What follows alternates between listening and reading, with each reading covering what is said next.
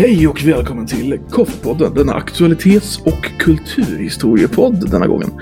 Med mig Koffe och Nedem. Hej Nedem! Tjena! Och denna gång har vi vår eminenta kulturhistoriska gäst och allmänhistoriska gäst och krigshistoriegäst. Och hur många mer historietyper finns det? Alla de kan nämligen våran kära Vanader. Hej Vanader! Hej, jag är faktiskt inget bra på konsthistoria. Det är jag. Jag är en jävligt konstig typ. Vad bra. Kompletterar varandra där. Ja, det är bra. Kan Vilka du någonting år- om historia? Man historia? Ja.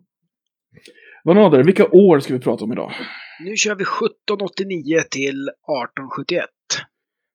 Varför har vi valt den här tiden? Vad, vad är det som är det största i den här tiden? Liksom? Vad är det som Alltså, vi definierar den här börjar tiden? med franska revolutionen och så går vi över 1800-talets nationalism till förenandet av Tyskland och fransk-tyska kriget. Så Frankrike förstörs, Tyskland skapas, det kan vi säga. Ja, Frankrike skapas i början. Det beror på vad man, Franska hur man ser det.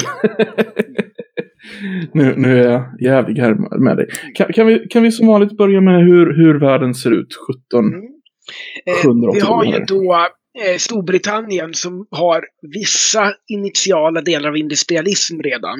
Mhm. och som har byggt ett handelsimperium. Och man brukar ju prata om att 17, hela 1700-talet är ett enda långt hundraårskrig mellan Frankrike och England, eller Frankrike och Storbritannien, om vem som ska vara världens hegemon egentligen. Och det håller Storbritannien på att vinna just nu. Det är de som tar kolonierna, det är de som eh, tar handeln. Eh, men Frankrike har ju fått lite revansch med att de stödde USA i frihetskriget och vann det kriget. Mm. Eh, vi har en ganska stark upplysningstradition som sprider sig i Europa samtidigt som de gamla regimerna starkt står emot det här och inte alls vill dela med sig av någon makt eller veta av några maktdelningsprinciper eller något sånt där. Mm. Eh, samtidigt religionen börjar tappa lite makt. Vi börjar se de första tendenserna till nationalism över religionsgränserna under den här perioden. Eh, eh, och där det liksom att, nej men, det är viktigare att man är tysk än att man är katolik eller protestant till exempel. Eh, och det är väl egentligen första gången nationalismen börjar stå över religionen. Mm. Eh, I Indien så är så gott som hela Indien under brittiskt inflytande nu. Alltså Mughal-imperiet har kollapsat och eh, gett upp inför Maratha-imperiet och sen har Marathas eh, i princip kollapsat till förmån för britterna. Det finns ju Mysore och delar av Maratha kvar men där, i Kina är det hyfsat stabilt under perioden men de är under en relativ nedgång. Europa är på frammarsch. Mm. Eh, I Sverige har vi eh, har Gustav den fjärde Adolf tagit över efter Gustav den tredje. Fortfarande den relativa absolutismen vi har där då. Eh, Polen har eh, delats upp tre gånger. Eh, och Fredrik den store ska enligt ryktet ha sagt att eh, alla länder har en armé, sin egen eller någon annans, angående Polens delning. Det finns inget bevis att han sa det, men det representerar Polen ganska bra här. Så po- polsk-litauiska riket är tidigare eller Polska. senare? Polsk-litauiska samhället är tidigare. Tidigare. delats upp nu, det existerar inte längre. Ah, okej. Mm. Men vi, eh, vi slutade i franska revolutionens startgropar. Precis. Vad är det- franska revolutionen? Om vi börjar, kan börja så enkelt. Alltså, det, det, det är, vad som händer är ju att eh, franska kungens ekonomi blir ju så jävla dålig. Därför att de har så extremt dåliga sätt att låna pengar som kostar så mycket. Som vi tog upp i förra avsnittet. Att, Mm. eh, han måste kalla in parlamentet för att få tag på pengar. Och när parlamentet väl kommer in så är de upplys- eh, influerade av upplysningsidéer och börjar göra betydligt mer än bara eh, än att bara besluta om skatter som kungen hade tänkt. Okej. Eh, och till slut så eh, löser de igenom en konstitutionell monarki. Och sen försöker kungen fly och få hjälp utomlands ifrån. Och då jävlar, då hackar man huvudet av honom. Och sen Då då, jävlar. 1792, då invaderar ju Europa fransmännen. Och då spelar de marseljäsen och i vapen medborgare formar bataljonerna. Och så spöar de faktiskt Preussen. Varför invaderar Europa Frankrike 1792? Därför att det är ju vanlig pöbel som har tagit över och hackat huvudet av en kung. Sånt kan man inte tillåta.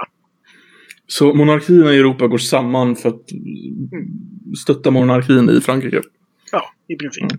Eller för att slå ner upproret, för man vill ju inte ha några pöbel på, vid makten heller. Man vill inte dåligt. se att det sprider sig liksom. Eh, Det något annat? inte. Ja. De förlorade ett stort slag 1792, så republiken lever vidare. Mm. Något annat som hände 1792 i Sverige. Gustav III mördas på Maskadbalen. Mm. Varför detta? Var detta också en del i eh, den här republikanska revolutionen? Nej, det ska jag inte säga. Snarare var det en del av den väldigt långa konflikten mellan svenska adeln och kungamakten. Den svenska adeln hade ju tagit Och det här är ju eh, ett väldigt bra historiskt exempel på en bra policy som sedan biter dig i arslet. Vilken policy?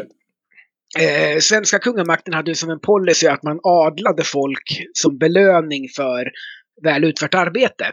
Tjänstemän, officerare och så vidare. Eh, och det var ju dels för att det var ett bra sätt att belöna dem. De blev glada. Det, eh, och många gärna aspirerade till det. Men dels var det också ett bra sätt att tunna ut adeln. Man skapade en klass av lojala adelsmän som gjorde att adelståndets förmåga att stå emot kungamakten minskade. För det skapade en adel, en stor del av adeln blev folk som var beroende av statliga tjänster för sin försörjning. De hade inte tillräckligt med land och gods för att leva på egen hand. Okej. Så i teorin var det sådär att du eh, urvattnade adelns förmåga att agera som egen enhet. Men sen när frihetstiden kom, när, eh, då på 1718, så var den här adeln beroende av statliga tjänster och därmed försvarade de väldigt hårt sina rättigheter och privilegier till de här tjänsterna. Och blev en stat i staten i princip. Ja. Så att där bet ju den policyn Sverige i röven ganska hårt. Och eh, eh, adelns framflyttade positioner var ju en av anledningarna till att frihetstiden blev så jävla korrupt. Eh, och när Gustav IIIs kupp då flyttade tillbaka adelspositionen ganska skarpt, så de avskydde ju honom för det. Och i Mhm. förlängningen även hans son då, Gustav IV Adolf. Kan, kan du bara samma säga vad frihetstiden var? Eh, frihetstiden är mellan 1708, och 1718 och Ja, men vad det 1772. innebar? Det innebar att riksdagen styrde istället för kungen. Mm. Eh, I praktiken innebar det att eh, utlänningar mutade eh, riksdagen för att göra vad de ville. Franska och ryska ambassaderna framförallt, men även nederländska, engelska och danska. Mm. Och var bland annat bondeståndets ordförande som stolt eh, förklarade att han tog mutor av alla och därmed var helt oberoende. Eh, Men även saker som slagsmål i riksdagen och försök att defenestrera ordföranden och Gustav Kerman som eh, manipulerar växelkursen mellan våra två valutor för att tjäna pengar. Och så vidare. Det, det är inte vår storhetsperiod om vi säger så. Vi går till krig, i krig två gånger på franska mutor och det går skitdåligt. Ja. Men det tillhör perioden innan. Men i alla fall. Eh, så den här långa konflikten då mellan adeln och kungamakten efter eh, eh, innan, och under och efter frihetstiden utmynnar ju då i adelskomplotten för att mörda Gustav III och ta över makten. Dock eh, överlevde Gustav III i flera dagar och han gör testamente och upp och dessutom så var Liljesparre en förvånansvärt effektiv polischef som bara upptäckte och avslöjade hela konspirationen och fångade dem som var ansvariga. Så det gick ju dåligt med deras tänkta kupp. Får jag, får jag fråga en sak snabbt där kring kuppen och konspirationen? Alltså, var det någonsin så många andra än Ankarström som åkte dit? Ja, Pechlin åkte ju dit. Mm. Och ett par andra också som dömdes till döden för det här för mig. Så det var egentligen, Ankarström var utföraren, men det var egentligen en mycket större Ja. konspiration. Jo, jo, det var ju en hel Som- kupp som skulle göras. Mm. Och vad, bara... var största, vad var största anledningen till att den kuppen inte riktigt liksom, lyckades genomföras? Var det ju så att Ja, man det var ju att döda- III överlevde ju. Mm. Kunde skriva ett testamente och sätta en regent för sin son och så vidare. Samtidigt som Liljesparre då, medan kungen levde, faktiskt fångade de konspirationen. Ja, exakt. Men eh, jag bara tänker alltså, angående franska revolutionen en gång till. För att jag vill tillbaka dit. Den sker 1789 och den får väl på något sätt ses som eh, någon slags eh, tidsmarkör brukar man väl säga, för Japp. upplysningen kanske. Eh, Ja. Delvis i alla fall. Eh, skulle du säga att upplysningen liksom står i senit när, när eh, liksom, eh, själva revolutionen sker eller är det någonting som kommer lite senare under 70 eller under 1800-talet? Alltså det kom ju eller tidigare. Eh, alltså, Tidigare till och med. Ja, precis. Att upplysningen utvecklas ju under 1700, mitten av 1700-talet så kommer ju idéerna, de filosofiska idéerna. Och Mm. eh, alltså amerikanska revolutionen är ju väldigt starkt influerad av eh, upplysningsidealen. Mm. Jag skulle säga att den står i senit någon gång kring 1770, 1760, 1770. Mm. Eh, snarare än senare. Okej, så det man skulle kunna säga att 1700-talets s- andra hälft i alla fall. Där någonstans. Det kan jag hålla med om. Okej. Ja, men intressant. Jag bara, jag bara tänker så här för att det kommer ju en motreaktion i, i form av romantiken. Eh, Och romant, romantiken har jag alltid eh, tänkt på i samband med nationalismen. Skulle du säga att det Ja. finns en koppling mellan romantik och nationalism kontra då för jag menar upplysningstiden, de är ju också intresserade av att etablera en republikansk liksom, stat. Det är ju... Nej. Eh, Jag skulle inte koppla ihop romantiken och jag skulle vilja använda romanticismen så att man inte förvirrar med Ja, okej. Självklart. Eh, Självklart. Romantiken är korrekt, men bara så att ingen tror att eh, någon flörtar med någon här så kan Nej, vi säga romanticismen. romanticismen. Ja. Säger. vi kan flörta sen med men inte Du, jag är alltid, jag är alltid, I'm all game. Ja, precis. Eh, nej, men eh, du har ju en senare period un- under romantiken som brukar kallas nationalromantiken och då bör man koppla ihop romanticismen och nationalismen. Men jag ska inte säga Mm. att de är sammankopplade under första halvan av 1800-talet. Då är de Nej, separata koncept. Ja. Mm. Intressant. Eh, och nationalismen är väldigt intressant. Jag skulle säga att den tyska nationalismen under Napoleons ockupation är det första moderna exemplet på nationalism. Man har ju till exempel eh, sången Das Deutsche Vaterland som spelas 1830 i Berlin. Mm. Eh, där man säger att Österrike och Preussen båda är Tyskland. Fast det ena är katolskt och det andra är protestantiskt. Eh, och innan dess så har man egentligen inte haft någon nationalism som inte också varit religiöst präglad. Okej. Så Man kan till exempel säga att eh, eh, Nederländska revolten, 80-årskriget, var nationalistisk, men de gav inte katoliker medborgerliga rättigheter, även om de pratade nederländska. Mm. Eh, Mhm. Så att eh, statslanden, som de hade då i södra Nederländerna, ha- han fick inte vara med och välja eh, ståthållare. Okej. Eh, men styrdes av den centrala regeringen. Men var de med i, i själva revolutionsdelen och slogs och sådär då?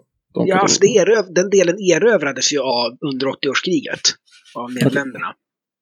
Okej. Och det är en del av Nederländerna idag, men folket som bodde där var katoliker. Så att de fick inte rösträtt som de andra fick. Okej. Just för att de var katoliker, inte för att de var erövrade, utan för att de var katoliker. Ja.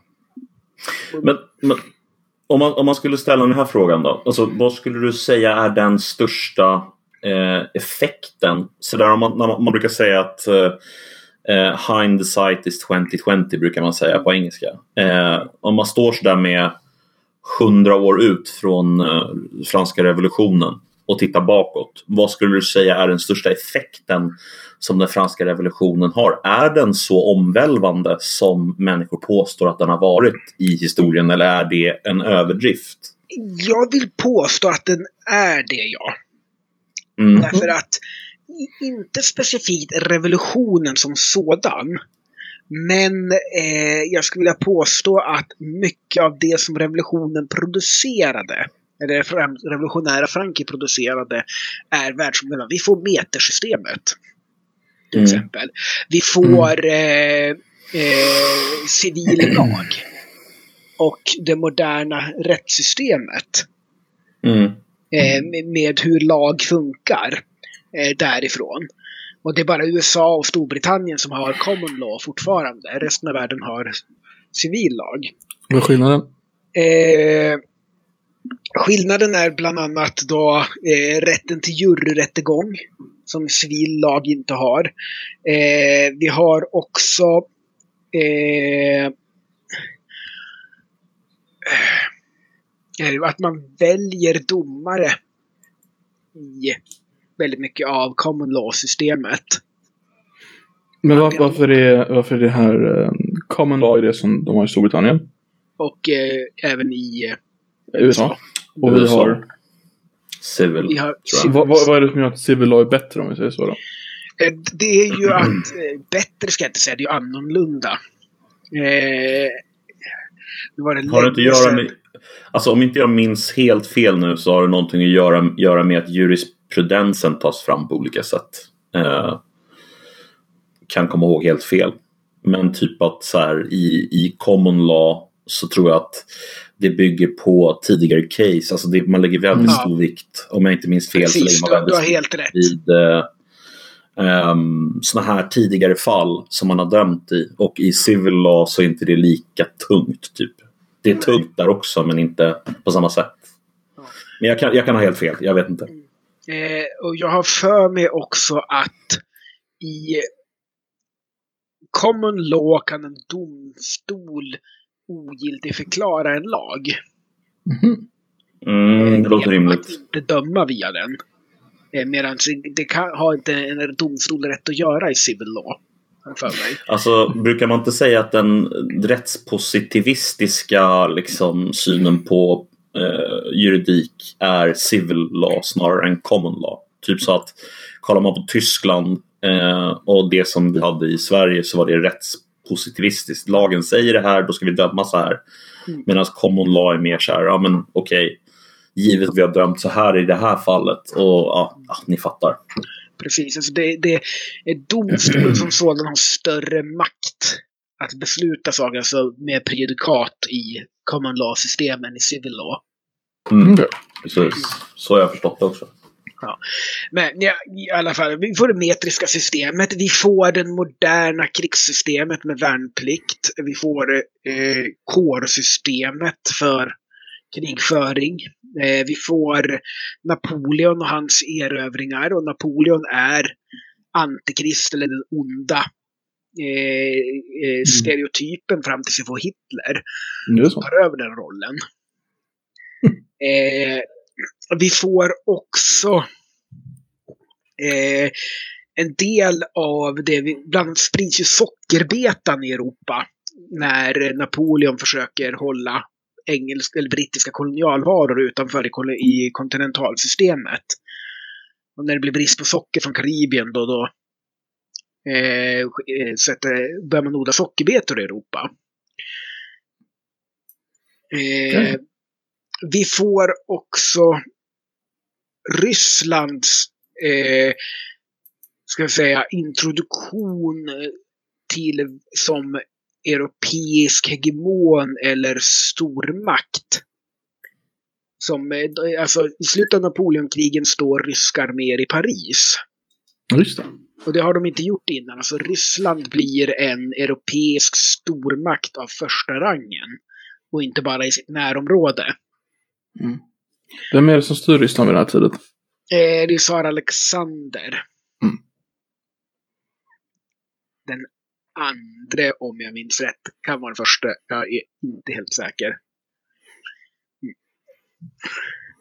Eh, så det är ju, sen är det ju en omvälvning av Europa som kommer med revolutionen och Napoleonkrigen. Där tysk-romerska riket blir upplöst. Eh, där väldigt många europeiska furstehus upphöjs till kungavärdighet och får fortsätta ha det även efter. Eh, Mm. Trots att det är Napoleon som faktiskt har gjort det. Skulle vi snabbt kunna gå in på hur går det från att vara en, eh, Frankrike går går från att vara en, en eh, republik? Alltså de har, folket har vunnit en seger. De har, hur går det från att vara en republik, en stolt republik, till att i princip ha en ny kung i Napoleon? Hur, kan, Eh, Fast det, ta det, det är jätteintressant. Napoleon är ju inte kejsare av Frankrike. Okej? Han är kejsare av fransmännen. Är det en väsentlig Frank- skillnad? Eller är det bara en... Ja, alltså, det låter Det- det semantiskt alltså. jo, men det är en semantisk skillnad, men Frankrike fortsatte vara en republik. Mm. Eh, För att tjej, Napoleon var inte kejsare av Frankrike, han var kejsare av fransmännen. Och Ja. i teorin hade fransmännen valt honom som kejsare. Inom I ramen för det republikanska systemet. I teorin då i alla fall. Så det, det, är samma, det är lite samma semantik som att, eh, kungen, av, ku, att eh, kungen av Preussen var inte kung av Preussen, han kung i Preussen. Ah. Eh, Eftersom han inte kunde utropa sig till kung i Tysk-romerska riket. Ah. Sådär, så att det, det, det är semantik absolut, men eh, Frankrike fortsatte att vara republik. Mm. Okej. Okej. Men hur tar han makten då? Det är ju en kupp. Alltså han gör ju sig till, blir vald till en av konsulerna Mm. efter sin framgångsrika italienska kampanj. Eller man börjar genom att slå ner ett, eh, ett eh, royalistiskt uppror. Och sen har han ett väldigt framgångsrikt en framgångsrik kampanj mot Österrike i norra Italien. Jag vill bara Sen påpeka för sakens skull. Mm. Får jag bara påpeka för sakens skull att nu har vi alltså äntligen gjort en, eh, vad heter det, Eh, en återkomst till det romerska rikets eh, syn på liksom hur man tar makten igen. Äntligen! We are en back. framgångsrik general och tar över makten. Exakt. Mm. Det, det är Caesar faktiskt style. sant. Mm. Jag, jag försöker hitta några andra exempel, men du har nog rätt. Vi är tillbaka. Mm. Finally. Finally, Caesar style. Men tyvärr inte död enligt Caesar style. Nej, exakt. Eller Kaiser som är det korrekta uttalet där. Just det, Kaiser, just det. Nå, nå, i alla fall, Napoleon tar makten och krigar mot hela Europa i 20 år i princip. Mm. Och det är... För de här människorna tycker jag Frankrike är cheese eating surrender monkeys. Eller jag säger det till Napoleon och hans grandarmé. Jag ber dig Mm. liksom. Varför var den så grand? Värnplikt. Var först med värn? Nej, det var inte första värnplikten, men det var första, eh, vad ska man säga, moderna värnplikten införd i en modern stat med modern eh, folkregistrering. Eh, där staten stod för utrustning och övning och så vidare. Eh, och kombinerat då med många innovationer, bland annat med på artilleri som utvecklades precis innan republiken. Och Frankrikes traditionellt väldigt starka eh, framskjutna position på det taktiska området, landtaktiska området. Eh, och då Napoleons egna invasion bland annat med kårsystemet, där man delar in armén i flera små själv, eller självkapabla arméer som hade artilleri, kavalleri och infanteri och underhåll i sig. Eh, och därmed kunde sprida ut arméerna och låta dem försörja sig på landet utan att mörda, bränna, plundra, döda och våldta alla.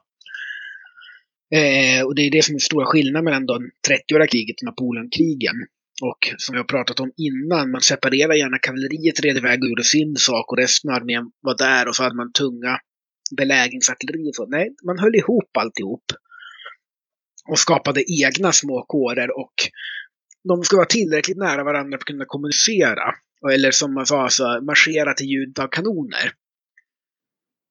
När du hör kanoner, liksom gå dit, för då är det en kår som hamnat i strid. Gå dit och hjälp den med din kår. Ah. Och det är ett system som funkade väldigt bra.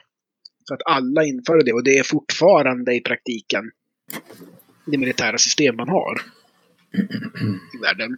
Mm. Så det är en innovation som Napoleon kommer, kommer fram till. Sen återinför Napoleon igen det tunga chockkavalleriet.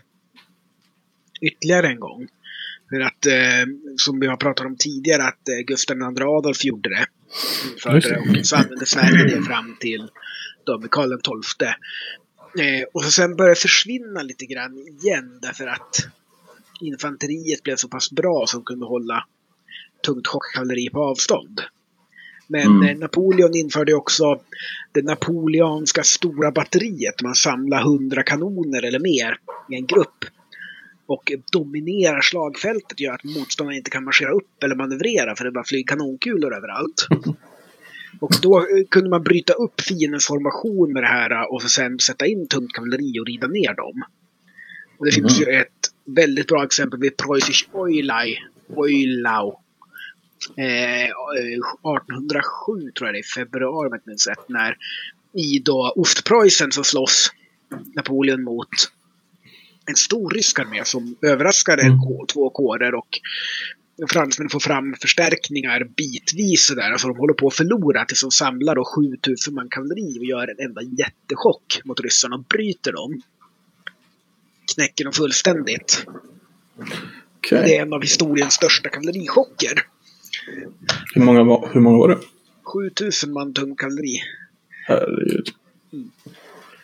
Har jag för mig. Ja. Nej, men. Napoleonkrigen skapar ju en extrem oreda. Så man har ju hela Wienkongressen då. Men eh, 1815. hur, hur många Napoleonkrig var det? Och varför var det inte ett krig? Alltså varför var det flera krig? Alltså, därför att man bildar ju koalitioner mot Napoleon. För att slå Mm. ner honom som förlorade. Och sen bildar man nya. Så olika konstellationer. Så att Preussen till exempel hade ju tre krig mot fransmännen. Ös- Österrike Mm. tror jag hade fyra. Ryssland två. Sverige två. Och så Men det är egentligen ett långt krig, eller? Alltså det är ju olika freder och stillestånd emellan. Okej. Men man brukar kalla det Napoleonkrigen. Mm. Eller Napoleonkriget. Beror på lite vilken terminologi man använder. För det är ju en lång period av när nästan alltid krig. Mellan vissa. Eller mellan Frankrike och någon. Men är det, är det nu han skickas till Elba? Eller är det, är det, var det 1814. 1814? Och så kommer Wien- Wienkongressen och så återvänder han ju. Mm. Så han, han blir skickad till Elba som ett straff. För han, han, han blir av med makten. Ja. Skickas till Elba, men han lyckas ändå komma tillbaka och ta över makten igen på bara något år. Ja. Hur, hur, hur? Alltså dels Bourbonkungen som installerades var inte så populär. Mm. Och Napoleon hade ju, fick ju ta med sig sitt gamla garde, tusen man. Så han seglade ju över med dem och landsteg och gick ju fram till trupperna som skickades mot honom då så här. Ja, skjut er kejsar om ni vill. Och då gick de med honom istället. Oh, det, det är snyggt. Men eh, alltså jag, en, en sak som jag alltid har undrat över och som jag liksom aldrig fått någon klarhet i känner jag. Det är Karl den 14 Johan, vår första Bernadotte. Ja. Eh, jag har hört ett par grejer om honom. Och varav en är då att det första han gör när han kommer in och tar över Sverige är att han betalar av vår statsskuld. Eh, Ish. är det här någonting? Ish. Eh, Det är så här. då. När han byter sida så kommer han förlora en massa egendom i Europa. Alltså han Mm. äger en förstnamn Pontecorvo och massa konst och mark och grejer. För Napoleon kommer ju ta ifrån honom det när han byter sida. Eh, så att eh, han får den franska ön Guadeloupe i Karibien. Så- Okej. För britterna har ju ockuperat den, så de ger den till honom personligen. Den byter sida. För han får ersättning. Okej. Ja.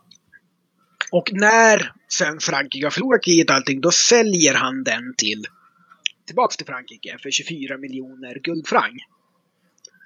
Eller eh, lite över 10,6 miljoner silverdaler om jag minns rätt. Det vill säga ungefär två års budgetar för Sverige. Mm. Mm. Så det är väl ungefär 1600 miljarder kronor idag motsvarande. Okej. Okej. Mm, Det säger en del om profitabla sockerrör. va? Att de ville betala den summan. Ja, jävlar. Okej. och- Men det, men det täckte hela Ja, fan. svenska Nej, det gjorde inte. Det täckte en tredjedel ungefär. Ah, okej. Eh, Så han betalade av eh, då alla interna skulder. Och eh, förklarade oss bankrutt på alla utländska. Okej. Och eh, övergav ju då Vismar. Som han hade pantsatt för ett lån. Det är väl det som apanaget är baserat på än idag? Nej, det var alltså, han fick ju, eh, man bildade ju en fond då som kallas Guadeloupe-fonden. Som man fick utöver apanaget för att han hade gett de här pengarna till svenska staten. Ah, okej. Eh, och den eh, bakades in i apanaget någon gång på 60 eller 70-talet tror jag. Men det var en här Okej. extra peng de fick som ränta på det här då. Okej. Okej. Men är den, den är inte återbetalad eller? Än idag? Ja, alltså, de, de gjorde ju då, avskaffade ju hela den här, men han fick ju aldrig tillbaka de pengarna. Men Nej. det var ju sagt ja. Nej, Okej, jag förstår. Så ja, eh, han betalade tillbaka en ganska stor del av det genom att sälja Guadeloupe. Mm. Jag vet inte. Fatta vilket fint semestermål att åka till i Karibien om man hade haft kvar det. Ja, verkligen. Men, men jag bara undrar, bara snabbt. Eller St. Barts. Hans valspråk i folkets kärlek, min belöning. Är det då någon slags, har det en koppling till den här händelsen där han Nej, med statsskuldens likvidation eller ingenting med det att göra? nej. Nej, okej. Jag bara... Skulle vi kunna börja prata om hur Sverige förlorar Finland?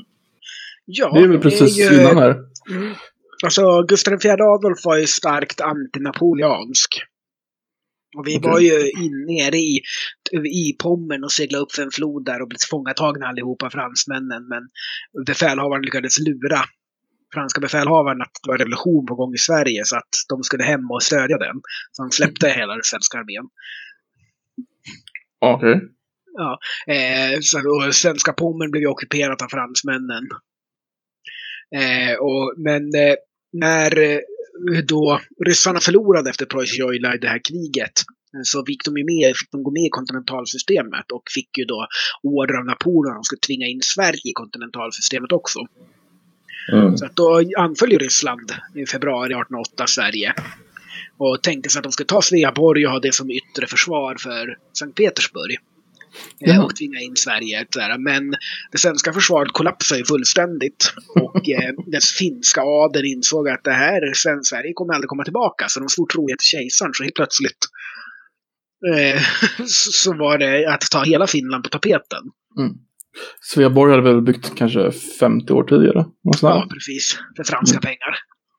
För övrigt ett uh, kulturarv. Uh, Unicef. Unesco. Jättefint där. Det blev ju aldrig riktigt färdigbyggt. Men ja, Mm. Men det, om jag minns rätt så ligger det på flera öar typ. va? ja stämmer bra. Utanför Helsingfors. Mm. Så det kan jag rekommendera att ni åker till. Det Mm. finns en jättebra restaurang där med Gustav Svärd. Okej. Ligger inne i den färdigbyggda delen av borgen. Ja. Käkar man klassisk svensk mat eller finsk mat där? Det är väl nästan samma sak om det är klassiskt. Det, det enda svensk Ja. mat som har som finsk inte har är västkust. Grejer med hummer och räkor och sådär. Mm. Okej. Det som räknas med andra ord. Det är som räkor. Väst, väst, Det som räknas. Sämst, sämst. Åh,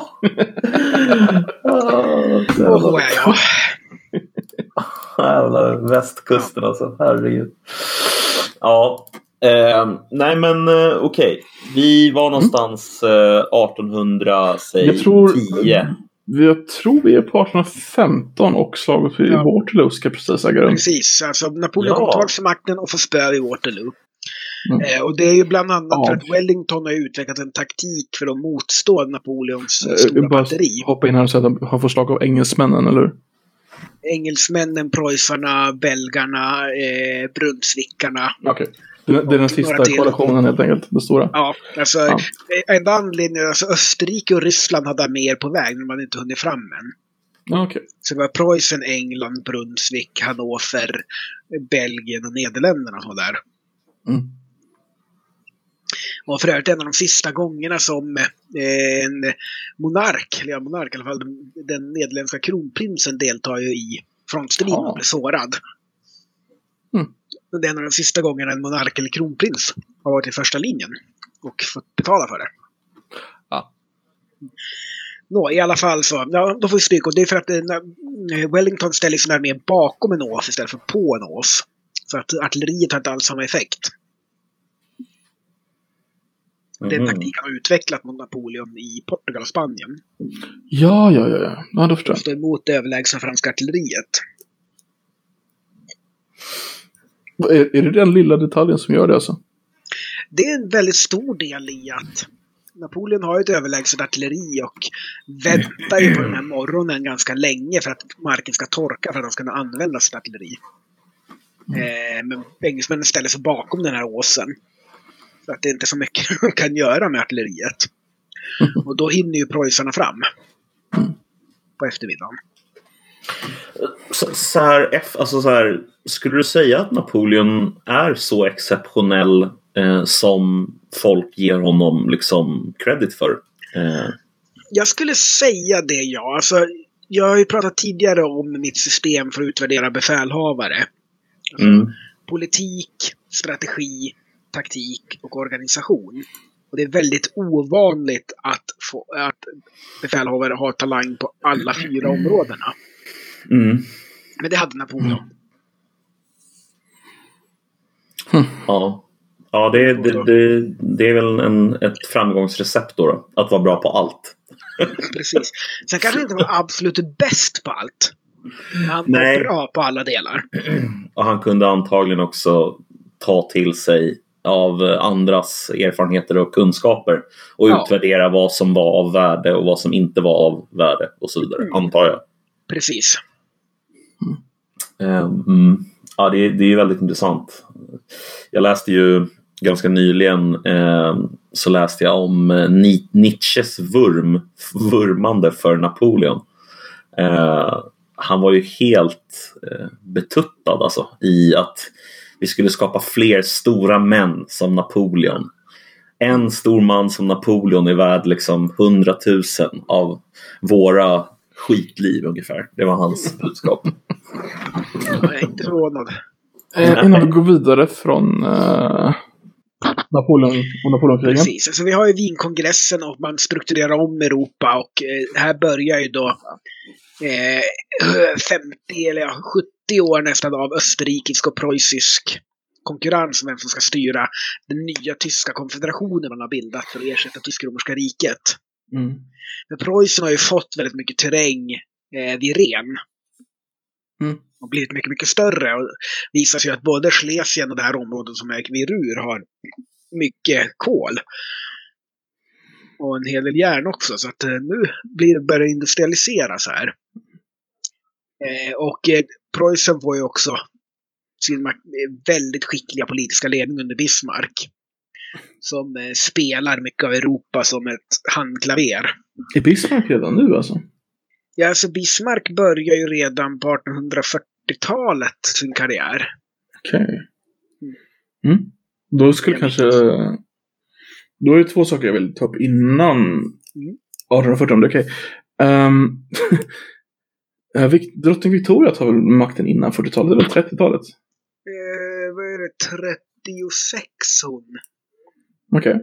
Blir monark tror jag. Hon är väl den som är numera näst längst uh, regerande monark. Ja, nuvarande har ju slagit henne. Precis. Hon är också 95 år, eller vad är hon idag? 94? Precis. Ja. ja. nej, men Victoria, och då delas ju, för Hannover var ju under de brittiska monarkerna, men de har ju salisk mm. lag. Det bara män som kan ärva tronen i Hannover. Så hennes farbror blir ju kung av Hannover. Mm. Um, 1833 avskaffar det brittiska imperiet slaveriet. Hur stor inverkan på imperiet och världen i stort har det? Eh, eh, alltså det riktigt stora är snarare att de 1807 förbjuder slavhandel. Fraktande av slavar från Afrika. Eh, att, eh, just att de, att de förbjuder slaveri är också väldigt stort. Alltså det, det påverkar ju mest de brittiska slavägarna i Karibien. Mm. Men redan där, alltså sockerbetan har ju börjat göra sockeröarna mindre profitabla. Så det är inte riktigt samma stora grej som det har varit. Eh, och man ska också säga att eh, eh, det är ju samband med att man börjar göra slut på Rotten Borough-systemet i Storbritannien som det här kan pushas igenom. För innan hade de ju en väldigt lång period där de inte anpassade eh, parlamentsplatserna efter befolkningsförändringarna. För det fanns ju då eh, byar och sådär som hade varit rika städer på medeltiden. Därmed hade en parlamentsledamot. Och eh, nu kanske hade 20-30 invånare. Och så sen var det städer som Liverpool som hade 150 000 som inte hade någon parlamentsledamot. Och det innebar att det var ganska lätt att muta sig till en plats. Att få liksom, ja men alla här får ett pund om ni röstar på mig. Och ett pund är liksom en halv månadslön. Ja, visst, det är lätt att göra när det är hundra personer som ska rösta på en parlamentsledamot. Så att man köpte och sålde parlamentsplatser. Ja. Och eh, de, de här väldigt rika eh, plantageägarna på Sockeröarna köpte sig parlamentsplatser. Och det var när de inte började sluta vara lika rika och när eh, man eh, började då eh, göra något åt det här systemet så eh, minskade deras makt och det eh, pe- så att säga, banade ju väg för avskaffandet av slaveriet. Eh, de Mm. abolitionisterna fick mer makt. Eh, och man tror även liksom just att, att USA gjorde sitt uppror och försvann, så försvann ju en ganska stor del av slavägarna i brittiska imperiet. Just det. I eh, Indien så eh, fick ju Ostindiska kompaniet tillgång till väldigt, väldigt mycket land. Tog över det av eh, mugarisk och, eh, och Maratha-adel. Och de indiska bönderna betalade ju med eh, corvée labor, alltså eh, arbets... Eh, vad fan heter det på svenska? Arbetsplikt för sin, mar- sin skatt i arbetsplikt. Vad heter det? Det heter dagsverken. Mm. Så att i hela Asien och även östra Afrika använde ju britterna under hundra år då indiska torpare som arbetskraft. Som betalade sitt arrende i dagsverken.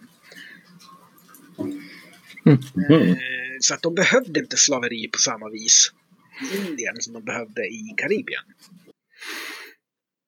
När Indien ökade i viktighet och det inte behövdes slaveri skulle Men ja, 1807 var ju när de förbjöd slavhandel och tvingade alla Mm. andra att acceptera det för Royal Navy kontrollera haven. The Eh, channel så- rules to waves. Precis, och det, då var det verkligen så. Det var liksom att Mm. ja, det var ingen poäng att ens försöka. Och det här har väldigt stor inverkan i USA då, där de har... Ja. Precis, Väldigt alltså, priset på slavar går upp så fenomenalt. Och det blir att de som äger slavar blir skitrika. Mm. Och det gör ju att man fortifierar slaveriet i södra USA därför att det, det är värt så mycket. Och man fortifierar kulturen också. Samtidigt så när du har den här protoindustrialiseringen och sen även industrialiseringen i Storbritannien och väldigt bra handelsvägar över. Så att man odlar då tobak, bomull, ris och vete Mm. och säljer ju det till Storbritannien. Men så Storbritannien vågar fortfarande köpa det som slaveriet producerar. Men de vill inte ha, röra slaveriet. Det är lite finkänsligt. Man vill fortfarande ha bomull till liksom, Mm. ty- tygindustrierna i Liverpool och Mm. eh, sådär. Och man, eh, arbetarna vill röka sin pipa och äta sitt ris och sitt, sin säd. eh, och men jag ska återkomma till det liksom lite grann till amerikanska inbördeskriget. och så där. Jag ska gå igenom Europa Mm. på 1840-talet där. Och någonting som jag tycker är väldigt bra exempel på hur industrialismen förändrar produktionen och man kommer och vad som är tekniskt längst fram. Eh, för att eh, preussarna introducerar ju då 1848 sitt eh, Dreise-gevär. Vad är det? Det är ett bakladdat gevär som skjuter en papperspatron. Man kan bakladda och du skjuter med ett med Ja. tändnål. Och det här är- gör ju att du kan ladda det här geväret liggandes, eller sittandes. Mm. Du behöver inte Som ställa dig upp för att liksom... Precis. Eh, och det gör att de utvecklar det som kallas the Prussian Swarm Tactic, där de helt enkelt skickar fram infanteri som sätter sig och lägga sig och bara skjuta så mycket de kan. Istället för att man står i de här raka leden och brassar på samtidigt. Ger mycket högre eldhastighet. Och de gör en herkulisk insats för att producera de här gevären då. Så mellan 1848 och 1866 så producerar de nästan 600 000 sådana här gevär. Oj. Och det är liksom så att hela deras armé kan ha de här moderna gevären. Och mellan 1866 och 1871 så producerar de 900 000. Ja, och det är liksom värt, man börjar kunna gjuta stål Mm. utan Mm. att det blir sprickor och problem. Så då kan man gjuta gevärspiporna. Och då går det så jävla istället för att smida dem. Och då går det så jävla Mm. att producera de här gevären. Och det här är liksom, det, är bara några års skillnad liksom. Och så är det liksom Det är helt sjukt. 20 gånger så hög produktion. Mm. Och, och det här gör ju att när den här industriella know-howen kommer och eh, gör så gör den extrem skillnad. Eh, och då ska jag återkomma då till amerikanska inbördeskriget. Där och eh, hur man fortifierar den här känslan. Nästan hälften av alla hushåll i södern ägde slavar. Vänta, ta det där en gång till. Nästan hälften av alla hushåll i amerikanska södern ägde slavar. Det är en ofantlig siffra. Det är många det. Då förstår man ju hur, hur, eh, hur viktigt slaveriet var för Södern. Ja, precis. Och, och det här är ju också att eh, väldigt många som eh, som inte äger slavar. För att, och det, det är också en, en väldigt viktig faktor för kulturen här. Därför att det, Mhm. den vite mannens normalintryck av slaveri var en vit bonde som ägde två slavar. Och jobbade tillsammans med dem. Mhm. Medan slavarnas intryck var ju för att det vanligaste för dem var ju att jobba på en jätteplantage med 400-500 slavar. Ja, ja. Så att eh, hur och när du jobbar liksom med två personer och äger som slavar, liksom, det är ju mer ja, ja, men nu går vi ut och jobbar tillsammans och så sen går vi hem och så äter vi middag och så ses vi imorgon igen. Alltså det är en Mm. helt annan miljö. Så att det, hela det här intrycket av hur slaveriet var skilde sig väldigt mycket åt för svarta och vita. Mm. Eh, så att det ska sägas att eh, det är 25 procent av alla hushåll i stater där slaveri är lagligt som äger slavar. Men det är väldigt, det är hälften av alla i Deep South och sen har du utom Delaware till exempel där det är bara 5 procent som äger slavar. Ja. Eh, så att, eh, men det, det gör ju det här och väldigt många aspirerar. De ser så här att ja, men om jag jobbar hårt och tar en skörd då kanske jag kan köpa en slav och då kan vi göra mer och så kan jag köpa en till slav. Och så sen om, eh, mot slutet av mitt liv då har jag kanske tio slavar och så kan jag lämna över till min son och så kan han, behöver han inte jobba alls utan bara vara en gentleman. Mm. Eh, och den aspirationen var ju liksom det kulturellt fina i den amerikanska södern. Och det var ju det väldigt många ville vara. Och det är det som förklarar att väldigt många som var fattiga och inte ägde slavar ändå var villiga att slåss för systemet. För de såg det som Mm. möjligt att bli en gentleman. Mm. Eh, så att eh, man ska inte glömma det. Men glöm aldrig, det handlar om slaveri. Alla delstaterna som eh, gjorde uppror eller Mm. eh, skilde sig från USA nämnde slaveriet som en viktig faktor i sin dokumentation eller sin självständighetsförklaring. Eh, så det I, I början av eh, inbördeskriget här när ja, de precis. gick Sen ifrån amerikanerna. också att inbördeskriget var inte ett modernt krig. Vad innebär ett modernt krig och varför var det inte ett? Eh, alltså de använde ju gammal taktik. De använde Napoleons taktik. De använde ganska mycket napoleonska vapen. Alltså ibland hör man sådär att ja, men, eh, man hade skyttegrav på slutet och kunde inte européerna studerat det här och så. Nej, men européerna hade moderna arméer med kaval starkt kavalleri som följde efter och sådär. Att de förintade fiendearmén i ett slag. Och så då vann man kriget. Så de europeiska Mm. krigen den här tiden är korta därför att man har starka kavallerienheter som kan attackera fienden när de flyr. Till Ja. exempel i Königgrätz tog det preussiska kavalleriet 12 000 österrikiska fångar på två timmar. Herregud. Oj. Eh, och då, efter det kunde den österrikiska armén inte slåss. Medan i USA hade man inte det här och när de vann så var den för, eh, vinnande armén lika svag som den förlorande nästan. Så de kunde aldrig följa efter och krossa armén och vinna kriget på det viset. Det var också större avstånd där i USA. Men de hade mycket. Sen ska man inte glömma heller att de hade vad var det, 530 någonting utbildade officerare som deltog i inbördeskriget. De hade utbildning.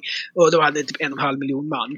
De, den som hade mest erfarenhet av liksom logistik och sådär, det var ju Lee på sydstatssidan som hade varit eh, stabsofficer och generalkvartermästare i Scotts expedition i Mexiko 1848 och där vi hanterat underhållet för 9000 man. Och så ska de marschera runt med arméer på 80 till 100 000 man och sköta det. Det är lite skillnad. Ja, det var Mm. ett krig av för till amatörer. Väldigt mycket. Mm. Och eh, Mm. det finns inga bevis för att han någonsin har sagt det, men det fångar ändå stämningen ganska bra.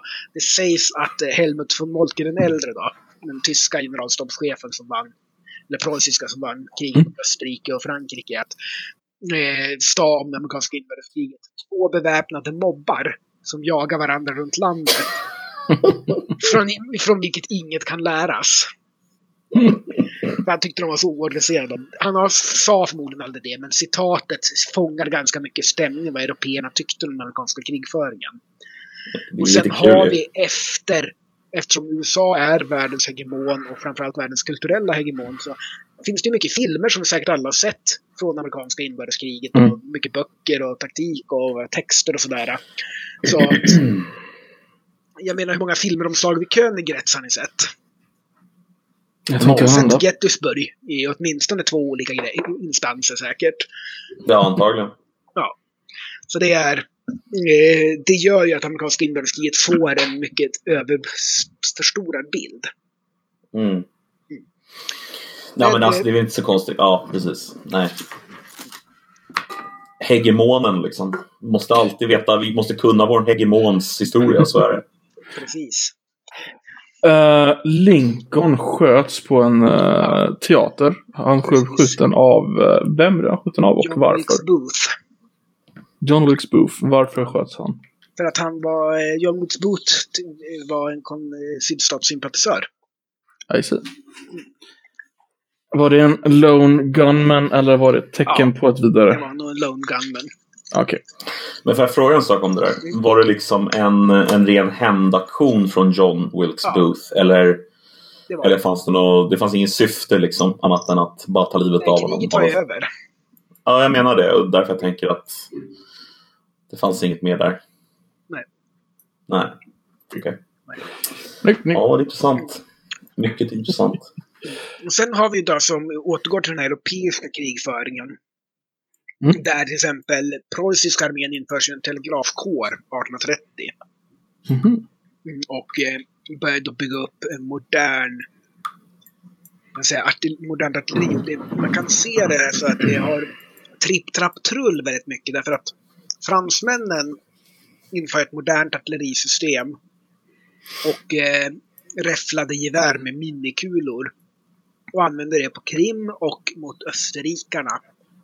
18, 1859. Eh, Så österrikarna lär sig det och inför modernt räfflat artilleri och moderna musköter och använder det mot preussarna i Königgrätz 1866. Så att preussarna, ja, vi måste ha modernt artilleri. Så att de inför modernt räfflat stå, gjutet stålartilleri. De är ju längst fram i det här att kunna gjuta stål. Och då använder det mot fransmännen 1871. Och då har fransmännen fortfarande sitt äldre system från 1850-talet. Så det är så här att ja, fransmännen lär österrikarna som lär preussarna som preussarna använder mot fransmännen. Det är lite rolig cirkel där av vi förbättrar artilleriet och slår er med det. Ja. Och där har du också Mm. det andra franska kejsardömet när Napoleon den tredje, då brorson till Napoleon. Ja, just det. Va, vänta, det är Napoleon III. Vad hände med Napoleon den andra? Bara lite snabbt. Eh, han var ju i Österrike. Han var i Eh, Fick Österrike. inte komma någonstans. Det var Napoleons son. Han gifte sig ju med en ö- österrikisk prinsessa. Mm. Och fick en son. Och eh, de två låstes ju i princip in. Men han, han var aldrig eh, ledare för något land eller sånt där. Han var bara, Nej. han bara var. Precis. Och så blir det Napoleon. Men han anses ändå ha vara Napoleon den andre. Okej. Det som är väldigt intressant är att Napoleon den tredje son, ibland kallas Napoleon den fjärde, faktiskt dog vid Sandlavana. Tjänstgörande i brittiska armén i Afrika. Jaha. Oj. Toulouse. Herregud. Men det är precis utanför, det är 1879, så det är utanför den här perioden. Så jag tar upp det i nästa avsnitt. Men, men, men skulle jag börja... Alltså en sak jag undrar över här. Vi är någonstans 1840 nu, eller hur? Ja, vi har kommit in på fransk-tyska kriget, så vi, har, vi är någonstans mellan 1840 och 1870, ja. Mm. Det här är alltså, som jag har förstått det, eh, och rätta mig nu, för det är det jag är ute efter. Jag har förstått den här epoken som den absoluta zeniten för, vad heter det, det brittiska imperiet. Ja. Att det är nu det står på sin absoluta liksom... Jag skulle säga 1815 till 1886, då har du Pax Britannica. Du gör Mm. ingenting i världen utan att fråga britterna först. Nej. Om du ska göra någonting måste du göra det jävligt fort så att inte de hinner blanda sig i. Jag bara undrar liksom, om vi kan bara sätta det här i så att vi får några proportioner på det. För att eh, det amerikanska Pax Americana eller låt säga Pax Romanum eller alltså... Ja. Alltså, Ehm. alltså, ett väldigt bra exempel är fälttåget mot Etiopien 1868. Mm, För här då, eh, kejsar Tevodros den andra av Etiopien har tagit makten och vill modernisera Etiopien. Så han skickar ett brev till drottning Victoria. Och ber skicka stöd. Han vill ha militär teknologi, instruktörer och lärare. Men någon på Foreign Office sjabblar. Så det blir aldrig något svar på det brevet. Och Tevodros blir skitförbannad för att han blir ignorerad. Så han tar jag tror är sju stycken britter som finns i Etiopien till fånga som gisslan. Svara du då, ungefär. Vad vi britterna sätter ihop en expedition på 20 000 man och 30 000 dragdjur. Och invaderar Etiopien för att frita de här sju personerna. alltså. Och det gör de. Och tar liksom plundrar det traditionella. Det finns väldigt, fortfarande väldigt mycket fina religiösa ikoner och sådär som de har på British Museum. Som de plundrade i Axum. Som Etiopien nu eh, håller på att begär, vill gärna ha tillbaka. Mm. Eh, Tusen års historia av att intern plundring i Etiopien fanns där då. Men eh, det säger en del alltså. Också det där 1807 att nu kan de kan säga nej nu får du inte slavhandla på haven mer. Man får inte transportera Mm. slavar. Punkt. Eh, och alla har bara att lyda.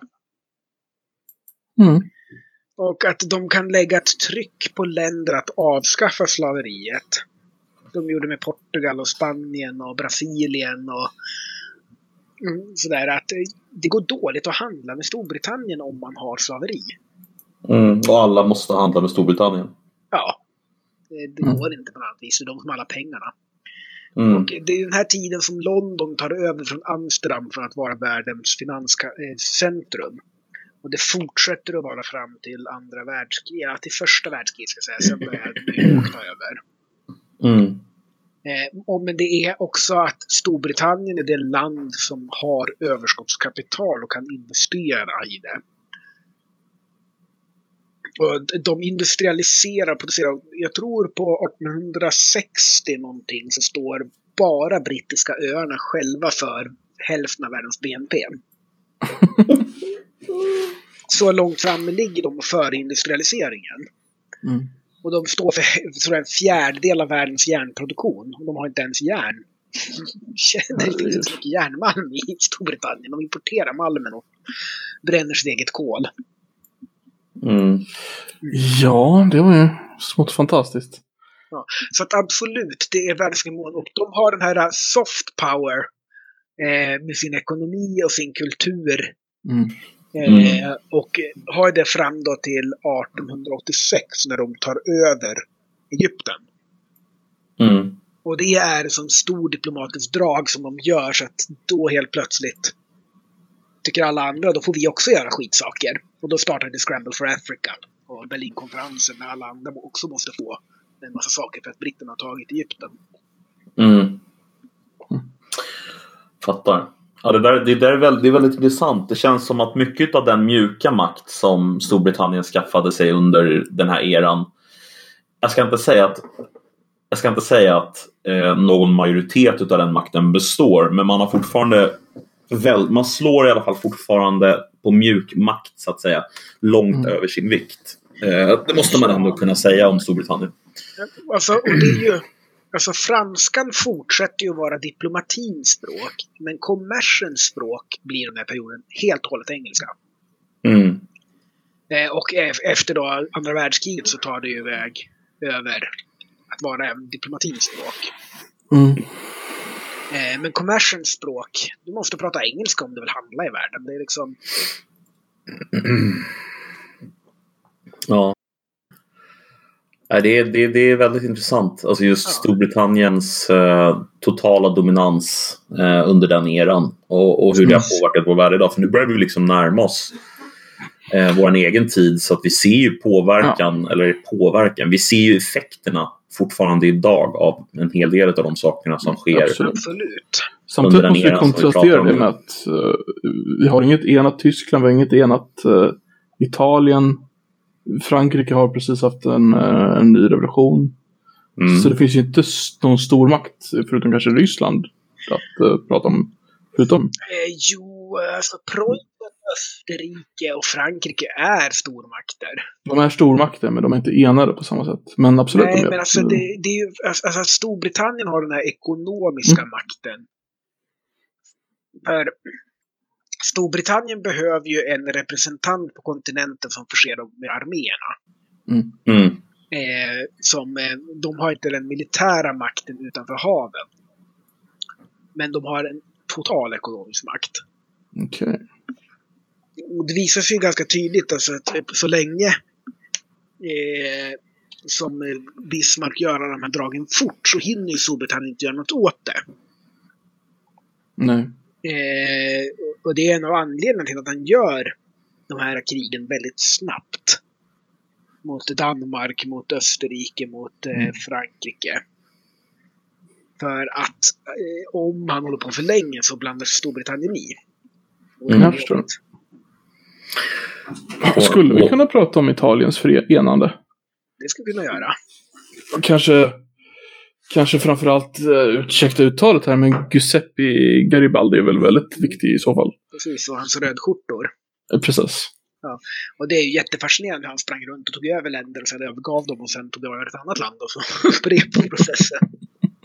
kan, kan, du förklara för det för oss, för de som inte riktigt Alltså Giuseppe Garibaldi var en revolutionär, en nationell revolutionär. Som mm. då tyckte att Italien borde enas och alla borde enas under ett land. Så han fick ju stöd från då Sardinien, Piedemonte. Mm. Från början. Tills han blev lite för jobbig. Eh, då tog de av stödet och sådär. För han tyckte att ja, men Sardinien, Piedemontes kung kan vi köra på.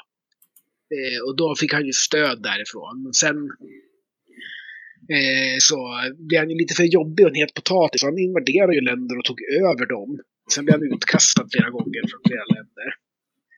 Så det, det, är väldigt fascinerande. Det är lite Benny Hill-känsla sådär. Att han jagar efter och så jagar man så efter honom och så mm. springer han vidare. Man vill bara köra Jack Sax liksom till hela den situationen. Han blev väl, uh, han gick väl exil i Sydamerika i några år också vill jag minnas. Ja, alltså han erbjöd sig att föra befäl över en del av nordstatsarmén i amerikanska inbördeskriget också. Jaha. Jaha. Nej. att uh, han ville bli uh, befälhavare eller general på en gång och det skulle inte passa så bra bland de andra generalerna. Ah, nej, nej. Mm. nej, fascinerande man i alla fall. Men han fick ju som han ville. Ja, till slut. Till slut. Han hade tur att leva så länge. Han fick se Italien enat alltså under sitt eget liv. Sitt livsprojekt. Ja. Det är rätt roligt. Sen tror jag aldrig han hade någon riktig position i enade Italien, eller? Nej, jag tror inte det, nej. Nu är inte jag en expert på hans senare liv om jag ska vara ärlig. Mm. Men hur, alltså så, här, så, att jag förstår om vi, om vi sätter en slutpunkt vid 1870, Adler. Mm. Ja. Vad är det egentligen som du skulle vilja säga? Alltså vad är det vi slutar med egentligen då? Vi vad är det som håller på att hända i världen? Liksom? Eh, eh, vi slutar med att det andra franska kejsardömet kollapsar och vi har franska, eller kommunen i Paris. Och mm. den, den, tyska belägringen av Paris. Och sen mm. belägringen igen av kommunerna av franska styrkor.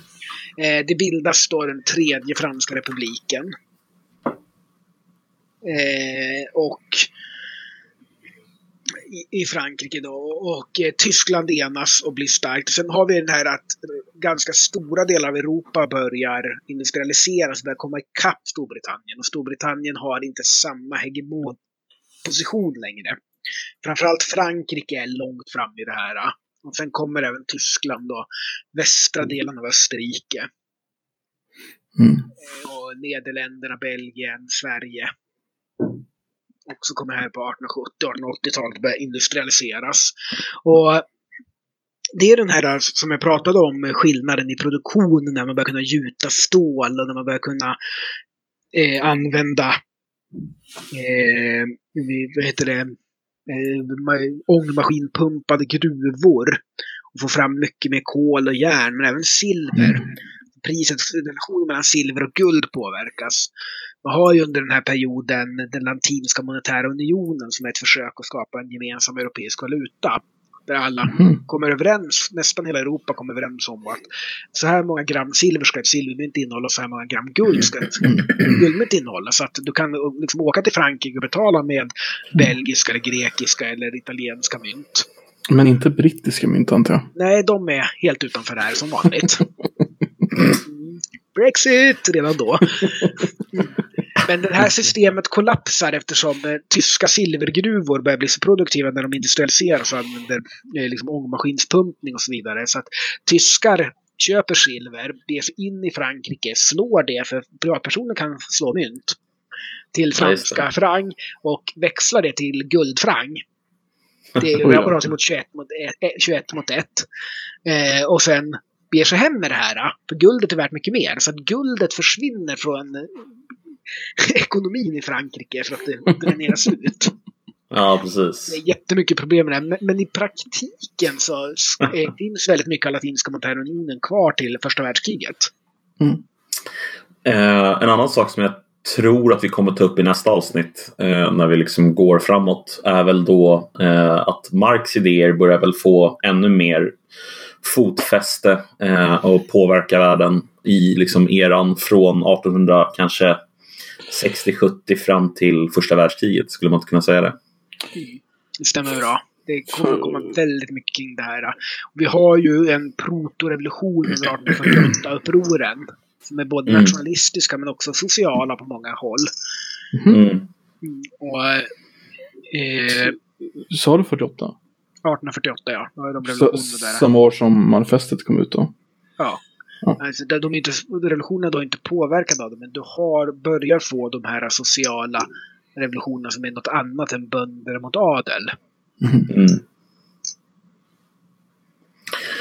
Ja, jag, det, verk, det, verkar som att eh, storhetstiden, så som jag har förstått det, för revolutionsiver eh, och liksom det är ju någonstans ändå liksom 1890, 1900, 1900, alltså den runt sekelskiftet ungefär. Ja. Um, Absolut. Där det smäller på ordentligt alltså. Det händer mycket grejer. Mm. Um, mm. Fascinerande. Ja. Mm. Absolut. Så nästa gång så kommer vi prata om eh, massor av Marx med andra ord. Ja, just det. Vi kör väl då 1871 till 1920 eh, kanske. Ja. Ja, tack för oss. Det där var veckans avsnitt tillsammans med mig, Nedden, Koffe såklart och allas vår kära och eminenta von Adler. Eh, om ungefär två veckor förhoppningsvis så kommer vi att gå igenom 1871 till 1921 och eh, eh, jag hoppas att ni lyssnar då. Det kommer bli väldigt intressant. Hoppas det här var intressant. Ha en bra dag. Tack. Hej då.